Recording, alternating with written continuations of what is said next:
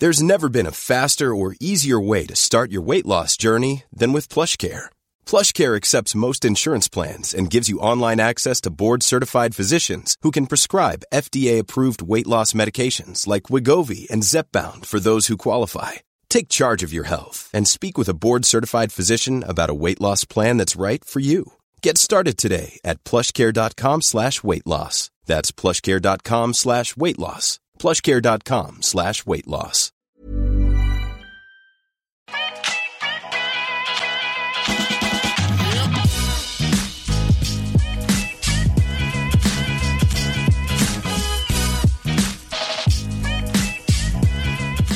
Idag träffar jag Sebastian Brännén. Han arbetar som art director på Abbey Priest. Han har rest världen över och bott i New York och arbetat som art director där, också i Paris och nu landat i Stockholm. Och eh, vi kommer att prata om mycket kring hur man lyckas med sitt brand idag. Alltså hur tänker man när man ska ta fram en lyckad kampanj? Hur fångar man, hur fångar man folks uppmärksamhet i och med att det är ett sjukt brus där ute och man har inte många sekunder skulle jag säga med att fånga folks intressen. Hur tänker han? Ja, vi går in i ett sjukt spännande och eh, givande samtal. Jag ska gå åt mig hur mycket tips som helst. Nu känner jag mig lite van liksom. Ja. Jag tror första gången man så här, hör sin röst och... Ja. Det är nu, är du på? Också att jag säger, jag sitter och säger jag känner mig lite van efter att ha varit med i 40 minuter podd i hela mitt liv. Inte klokt det. Tjena Sebbe! Hej! Hej! Så kul att ha dig med. Tack, jättekul att vara här. Är du? Kan du inte berätta lite, lite kort om vem du är och din karriärresa som du heter. Vad har du gjort i livet? Vad har jag gjort i livet? En jävla massa faktiskt. Jag går rakt in på det här nu. Har man inget så här introsnack? så här... Det har jag redan haft. Vi pratade precis här om att det var mysigt i studion innan vi drog igång. Jag vet inte om man var live då. Nej, men jag har ju varit live ett tag nu. Ja, det är så. Sanja har ett sätt att skicka in sina gäster här i en, i en otroligt lite mysig, mysig liten kapsel känns som man sitter i. Man, man hamnar i en väldigt mysig stämning. Man blir extremt avslappnad om inte annat. Och man sitter rätt gött. Ja, verkligen alltså. Ja. Du var en väldigt avslappnad. Ja, men jag tycker det är nice. Det är därför jag ja. låter lite För alla lyssnare sitter Sanni och manspreadar väldigt mycket här nu. jag gillar det. är väldigt bakåtlutad. Det är fint. Ta för dig. Det är inte så kvinnligt. men eh, jo, vem är jag? Jag är ju här i, eh, förutom i egenskap av mig själv, är jag väl här som i egenskap av art director. Ja. Jag jobbar i, i reklambranschen. Jag jobbar just nu på en fantastisk byrå som heter Abbey Priest som ligger här i Stockholm. Eh, och jag började väl min, karriär i... Det beror på, det finns massa nivåer på så här, hur, långt bak man kan gå. Men jag ska hålla det, det kärnfullt som inte tröttar ut lyssnarna alldeles mycket här. Eh, men, jag tror mitt första kliv in till vad som verkligen hade att göra med att arbeta med, med kreativitet var när jag och en vän eh, startade en, vad vi i efterhand kallar för webbyrå, antar jag. Det var verkligen bara jag och han som satt i Göteborg och sålde Wordpress-hemsidor. Eh, jag hade någon så här, något driv för att skriva, vilket kom ifrån att jag hade skrivit mycket musik själv när jag var yngre och såna här saker. Eh, hade väl också på den tiden ett, ett driv för, jag var väldigt så här spänd på att jag vill starta företag. Och, och kanske hoppade in lite fort i det innan man riktigt visste vad man ger sig in på. Man var lite driven av en så här ungdomlig naivitet någonstans. Och så här, innan vi ens hade jobbat på byrå eller visste hur det gick till så, så startade vi bara en och så här. Jag sa upp mig från mitt jobb. Han tog tjänsteledigt. Eh, och där satt vi. Jag skrev texter. Eh, jag tog in kunderna och skötte bokföringen och allt det där. Och han satt och gjorde liksom webbdesignen och den grafiska designen. Eh, det var där det började. Eh, sedermera var det där som jag någonstans bestämde mig för att så här, men det här, man kan väl säga det att vi, vi kom till ett skede då vi kände att så här, vi, vi släpper nog taget mm. om det här. Eh, vi lärde oss väldigt mycket men vi fick inte liksom, vi, vi, såg ingen horisont och vi kände att det här skulle börja gå runt ordentligt utan det var väldigt mycket så här, det var lite svårt att klara hyran varje månad och sådana saker. Eh, nej men jag kände verkligen där att så här, men det är det här jag vill hålla på med någonstans eh, och blev mycket mer intresserad av just eh, design. Och sökte mig där till, eh, därmed till Bergs School of Communications ligger i Stockholm. Ehm, Väldigt svårt att komma in. Ja, det var, det var fan en process alltså. Det ska man säga. Men när jag väl var inne där så träffade jag en tjej som heter Maria Lachari. Superbegåvad art director också. Eh, och vi teamade ihop oss och eh, sökte till en tävling, en gala som heter Cannes Lion. Eh, som ligger nere i Cannes obviously. Och eh, de har varje år ett, en, utav alla sina olika kategorier utav tävlingar så finns det någonting som heter Future Lions. Eh, som då ska, är för studenter som ska kunna söka in också och få visa upp sig, liksom, visa Mm. upp sin, sin talang eller dylikt. Och där får man skicka in fiktiva case baserat på en väldigt lös brief på vad man skulle vilja göra med ett varumärke egentligen. Och där skickade vi in ett fiktivt case för, för Spotify, eh, gjorde vi. Eh, vilket vi, vi vann på det caset. Eh, och åker då ner till Cannes eh, och träffar ett eh, antal olika byråer där nere såklart och är superexalterade av, av livet bara där nere generellt. Eh, supermäktigt. Och, och där nere träffade jag en byrå som heter EQA Ja. eh, som var en digital byrå från början. Och eh, de erbjöd oss ett jobb helt enkelt. Och eh, vi åkte där efter sakta gjort mellan ettan och tvåan på Bergs, eller vad som skulle bli tvåan på Bergs, så eh, började vi jobba på AQQA i, i New York. Men sjukt bra case ni måste ha vunnit på om ni kommer därifrån med ett jobb i New York. Ja, det var, jag tror framför allt så gick det nog väldigt mycket på, ja än idag, nu är man ju så här, gud jag hör så här casefilmslåten i huvudet bara jag tänker på det här caset, man har hört det så, så många gånger. Gitarr som dundrar igång liksom. Nej men, eh, det, det var ett case för Spotify eh, på den här tiden, det här var 2000, eh, 2016 var det. Eh, då fanns det en stor flyktingström i, i Europa. Och eh, det fanns väldigt mycket människor som skulle behöva assimilera sig in i nya kulturer. Eh, och jag och Maria satt och reflekterade över hur vi, när vi växte upp, kunde lära oss engelska så pass väl. Och jag själv liksom vet att jag lärde mig engelska av så här Donkey Kong och Eminem typ. Det var, Mm. det var där jag lärde mig det. Eh, vilket sker naturligt ifall du konsumerar saker som du är intresserad av Oh, ja. och det är på det spr- språket. Varpå det är väldigt tydligt att så här, man lär sig språk väldigt väl eh, genom musik.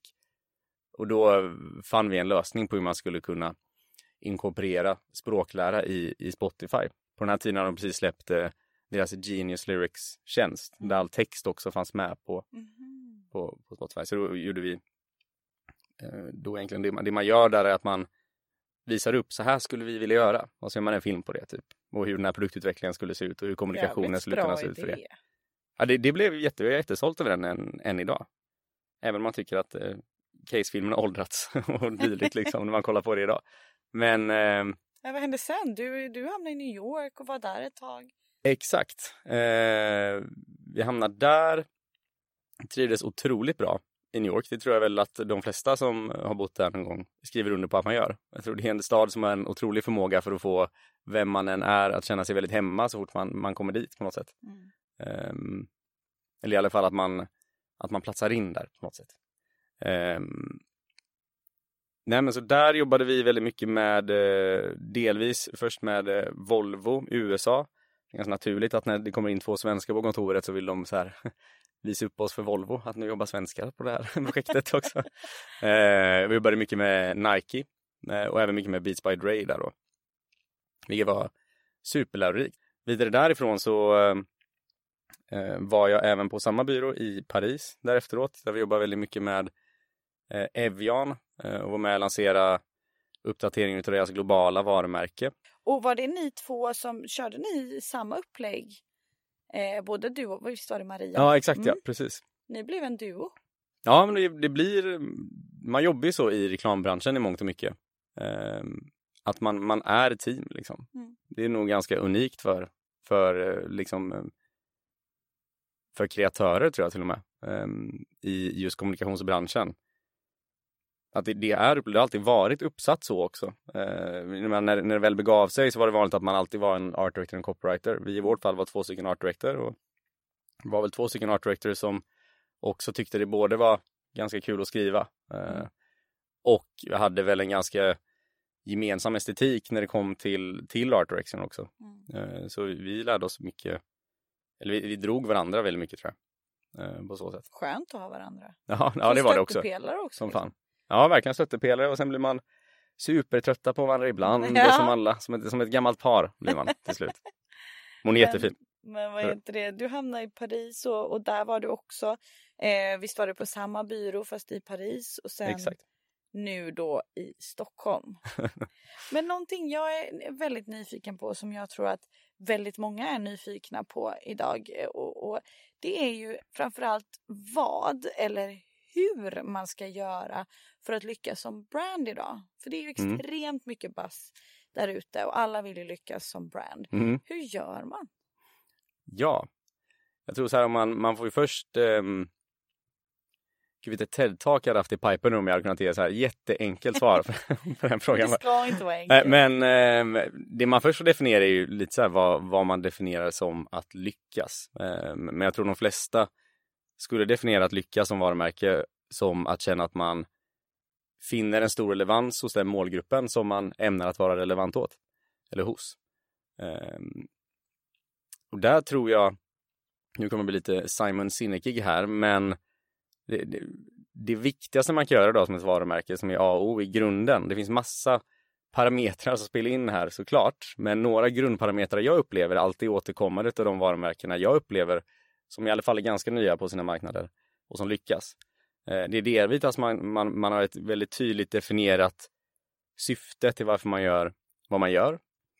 Eh, Att människor inte köper in till, till vad det är du gör utan, utan varför du gör det. Um, men jag tycker Oatly är bra, framförallt ett bra exempel i, i Sverige för att alla kan relatera till den produkten och har väldigt bra koll på den Mm. produkten och är väldigt disruptiva när de, eh, när de eh, återlanserades med hjälp av Forsman med ny design och dylikt.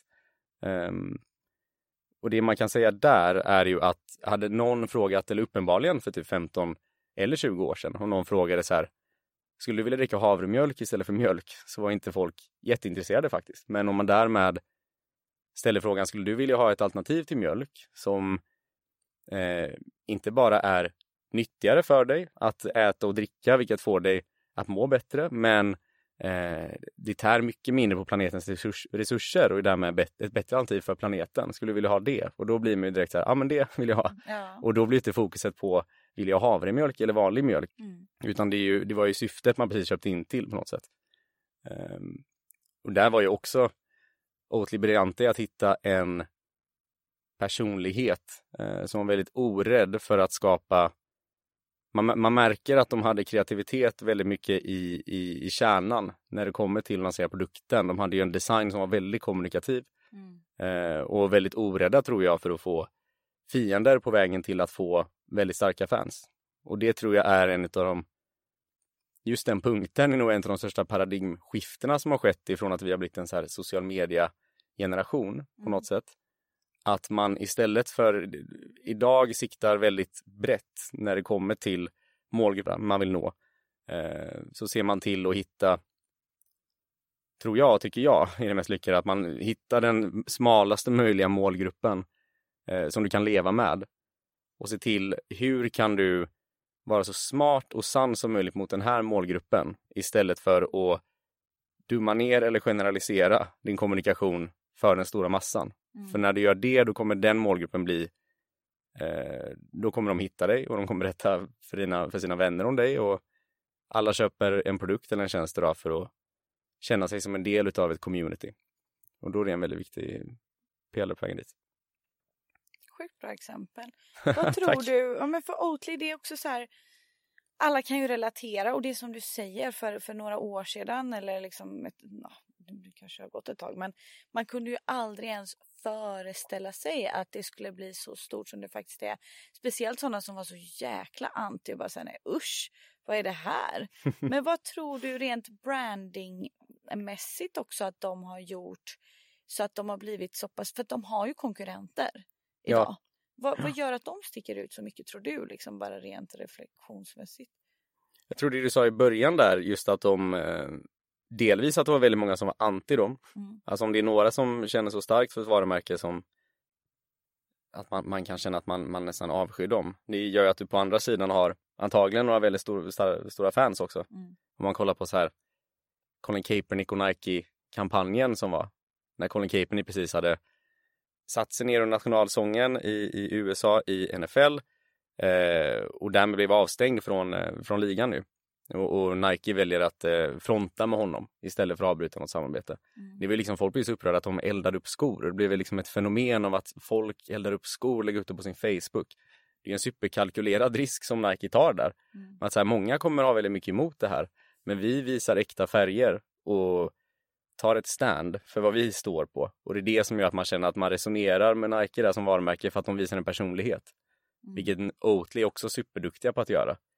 Eh, att just få, få igenom den här personligheten i sin kommunikation, men även som du säger, Oatly stack ju, upp jätte, eller stack ut väldigt mycket i hyllan när man kom in i typ ICA och all, all mjölk du såg var liksom så här grön och, grön och vit mm. eller röd och vit. Det var samma branding överallt. Eh, så det fanns en superstark konvention i så här ser mjölken ut i mjölkdisken. Ja. Helt plötsligt kommer det en produkt här som ser ut som någonting helt annat som gör att jag i alla fall blir intresserad nog av att kolla på den här produkten och den här produkten lyckades uppenbarligen fånga alla när vi väl tittade också. Mm. Ja, superintressant. Och mm, jag tänker så här utifrån ditt yrkesperspektiv då om jag jag som brand eller kund kommer till dig. Hur tänker du i ditt huvud? För det är det, man vill gärna komma in i ditt kreativa huvud och, tänka, och förstå hur du tänker. Det, det vill du ja, men när man ska, ja. ja, men det är när man ska ta fram en lyckad kampanj. ja. Alltså det är ingen lätt uppgift liksom. Hur, hur tänker du i huvudet då? Så här? Vad menar han? Populärkultur och så ja. kanske blir... Han skulle vilja säga en egen kampanj här nu. men jag säger, först och främst en kampanj som jag inte varit involverad i alls, men som är en svensk kampanj. Eh, som är, tycker jag fyller båda de här parametrarna formidabelt och, och, väldigt många med mig tycker det också är om man kollar på Moldy, Moldy Whopper eh, som Burger King släppte. Eh, där har vi liksom en, en tydlig en, en tydlig, vad ska man kalla det, en mekanik ehm, av att först och främst ribban för att liksom folk ska ge dig 15 sekunder idag ute på internet är ju liksom absurt hög givetvis. Ja av allting som sker där ute. Jag menar, du tävlar mot du tävlar mot Queens Gambit och du vet en Messenger-chatt och hej och hå liksom. Eh, så du tävlar inte bara mot andra reklamkampanjer i folks uppmärksamhet.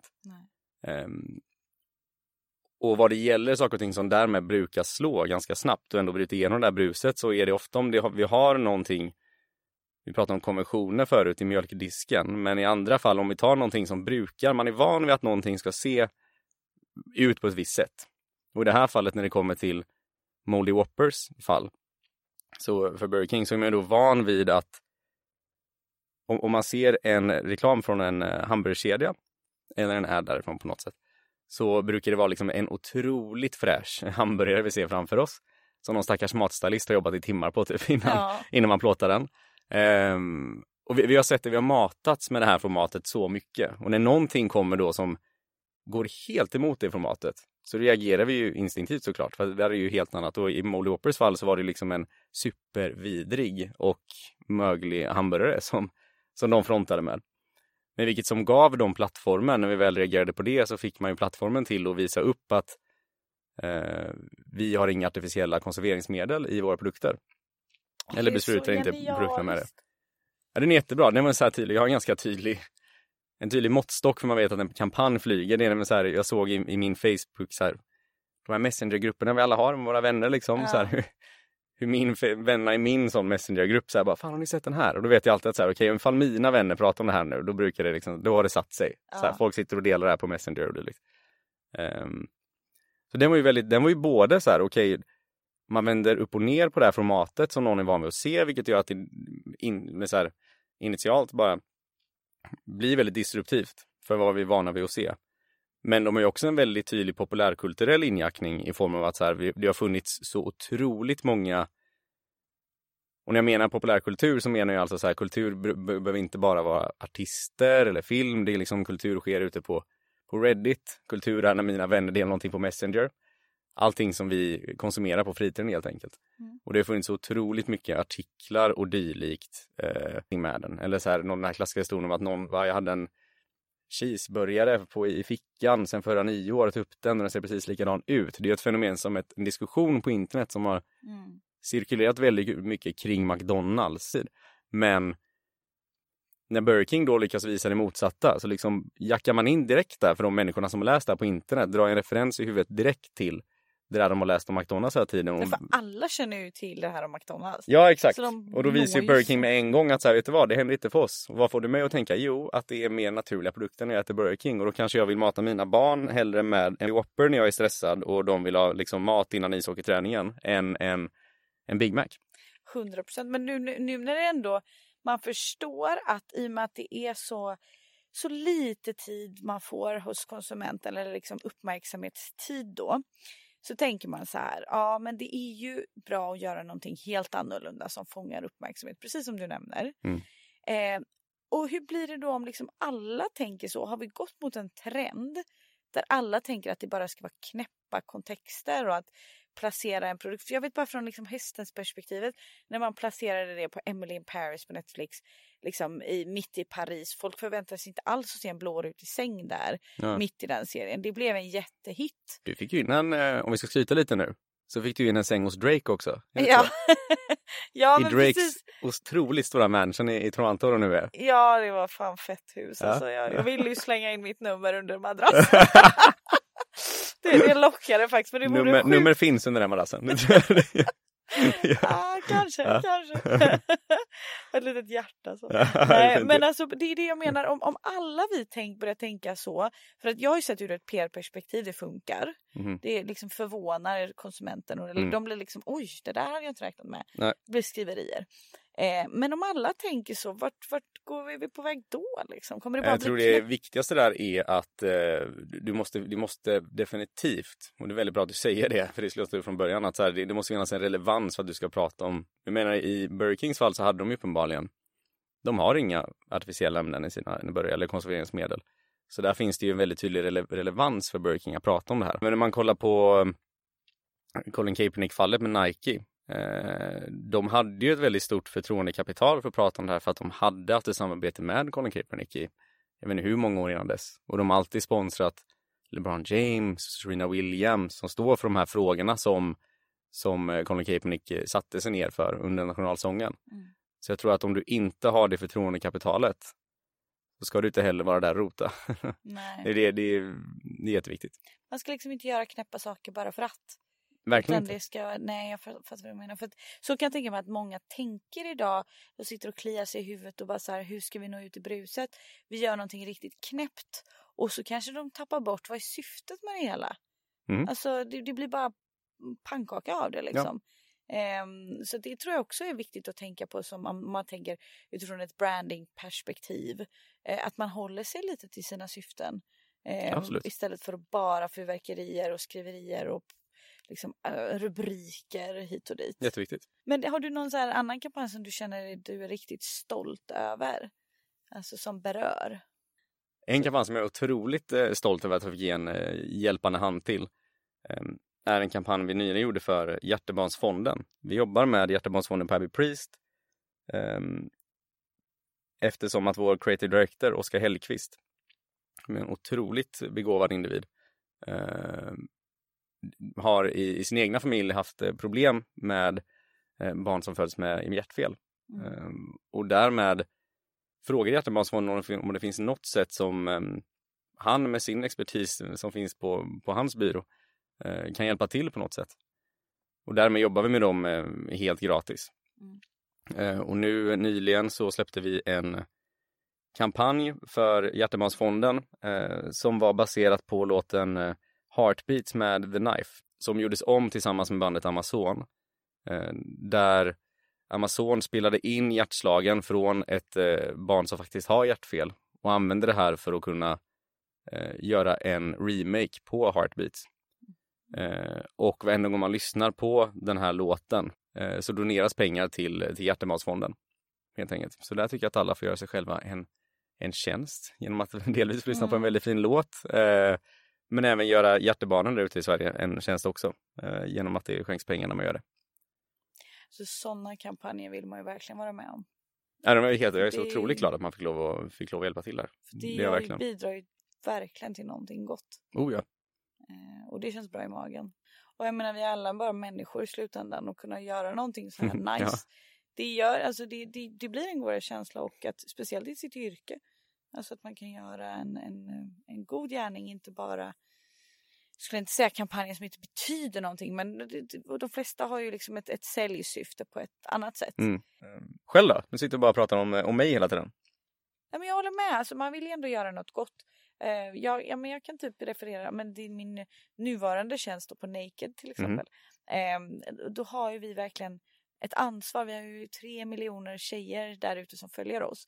Mm. Uh, och där tänker jag mycket så här att, ja, men tillsammans med, med ett liksom, fantastiskt duktigt team, att man måste ta ett ansvar och titta mycket på så här mentala hälsan och det är mycket näthat där ute och sådär.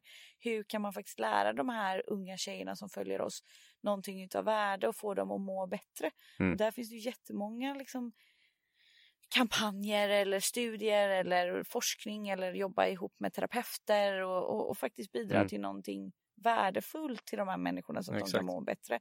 Istället för att bara fokusera på att sälja en topp. Mm. Typ så. Och den Naked är en jättestark eh, röst såklart. Ja, exakt. Jag är väldigt imponerad av dig när du hoppar över till, eh, till Naked. Jag tror det var ju mitt i, det var ju mitt i, i ett drev ju. Ja, det var men det verkligen. Jag tror otroligt många människor där hade resonerat, nej men fan, nu, nu håller det här skiten på att hända här borta. Eh, ska jag då hoppa in och, och liksom sköta PRen där medan du snarare tog det som som en utmaning. Jag tycker ja. det, det var jätteimponerande. Ja, men jag känner så här, man, eh, det, jag tycker det är kul och speciellt om det kan, man kan göra mycket och jag menar all, man kan alltid lära sig av allting. Jag tycker alla kan lära sig av allting på bolag men här blir det en rolig utmaning. Mm. Eh, och det är skitläskigt men också jättekul mm, på samma gång. Men om man drömmer att göra liksom det du gör och bli en, en duktig art director, vad har du för några korta konkreta tips som man borde tänka på? Så det kan vara allt ifrån liksom följa magkänslan eller kolla på hur andra gör. Eller, du vet, du kan, du väljer. Magkänsla är faktiskt jättebra. Är det så? Nej, men det jag hade eh, gjort det som är väldigt fint med yrket art director, även som copywriter inom kommunikation, där att vem som helst kan, kan någonstans bli det. Eh, det finns ingenting som säger att du måste ha en specifik utbildning på en viss skola eller dylikt för att kunna börja jobba på en reklambyrå. Det du behöver göra är att eh, helt enkelt sätta igång själv och, och vill du bli en art director, sätt igång och designa, kör design där hemma. Mm. Um, och bara bygg så mycket case du kan. Uh, titta på uh, olika varumärken och se vad du skulle vilja göra eller vad du skulle vilja se att de gör annorlunda. Och bara gör ut det, gör ut en kampanj för dem, uh, för så som du hade velat göra det och bygg, bygg en mapp därefter. Och där tror jag lite som vi pratade om eh, tidigare på när man känner att en när man känner att man har någonting bra på gång i form av kommunikation. Där är det också jätteviktigt att tänka, tror jag, för att hitta sin, sin egen estetik eller sin egna röst. Mm. Um, att tänka väldigt mycket, inte tänka för mycket på vad är det folk vill se här. Utan försök och speciellt i din frihet när du är ny i det, att försöka applicera så mycket av dig själv kanske i, i det här jobbet. Um, tills mm. du börjar känna att du, du har fyllt det med mening och så därmed är någonting som du tycker är bra bra tips. Tack. Om man är jäkligt nyfiken på dig nu, vilket många kommer sitta här och vara efter det här. Hur hittar man eh, till dig? Man Lätt. hittar mig på LinkedIn. Heter Sebastian Brännén eller så hittar man mig på Instagram. Där heter jag också Sebastian Brannen. Jag heter då mitt namn i alla, i alla medier. och Brännén ja, med. Så användarvänliga jag, mina social medias. Ja. Härligt. Alltså tack snälla för att du ville vara med. Tack själv för att jag fick komma hit. Supermysigt ju. Ja, gott snack. Fan, har vi tänkt på att det är två göteborgare som sitter och pratar? Ja. Jag, tror... jag vet inte. jag tänker inte alls på det. det har varit så många, man hör det bara ekar utav så här Nej. telefoner som trycker på pausknappen. Nej. Telefoner som inte har riktnummer 031 i alla fall. De bara smattrar på pausen hela avsnittet. Jag älskar det att det var göteborgare. Äntligen. Äntligen. Ja, men tack som fan. Tack själv.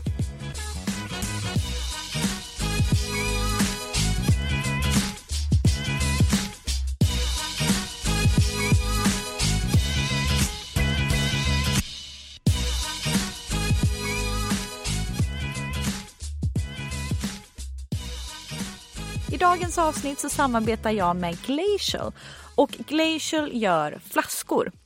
Alltså flaskor som man kan ha kaffet i. Man kan ha vatten, det håller det varmt och kallt. Sjukt snygga. Jag har en i, i mattsvart och en i mörk marmorimitation eh, som jag använder dagligen istället för att använda den här takeaway muggen engångskoppen eller eh, liksom plastvattenflaskor för vi måste ju faktiskt tänka på vår miljö. Eh, och eh, med rabattkoden en timme med 20 så får ni 20% på hela Glacials sajt och ni hittar dem på www.glacialbottle.com men också på deras Instagram glacialbottle i ett ord. Och jag tycker att det här är sjukt viktigt att lyfta och det är att vi kan alla göra många bäckar, eller ta många, vad säger man, många bäckar små för en bättre miljö. Eh, och vi får faktiskt ta vårt ansvar. Så att med en timme med 20 så får ni 20% och ni kommer spara sjukt många pix på att inte köpa den här plast, vattenflaskan eller pappersmuggarna. A lot can happen in the next three years. Like a chatbot may be your new best friend. But what won't change? Needing health insurance. United Healthcare Tri Term Medical Plans are available for these changing times. Underwritten by Golden Rule Insurance Company, they offer budget friendly, flexible coverage for people who are in between jobs or missed open enrollment. The plans last nearly three years in some states, with access to a nationwide network of doctors and hospitals. So, for whatever tomorrow brings, United Healthcare Tri Term Medical Plans may be for you. Learn more at uh1.com.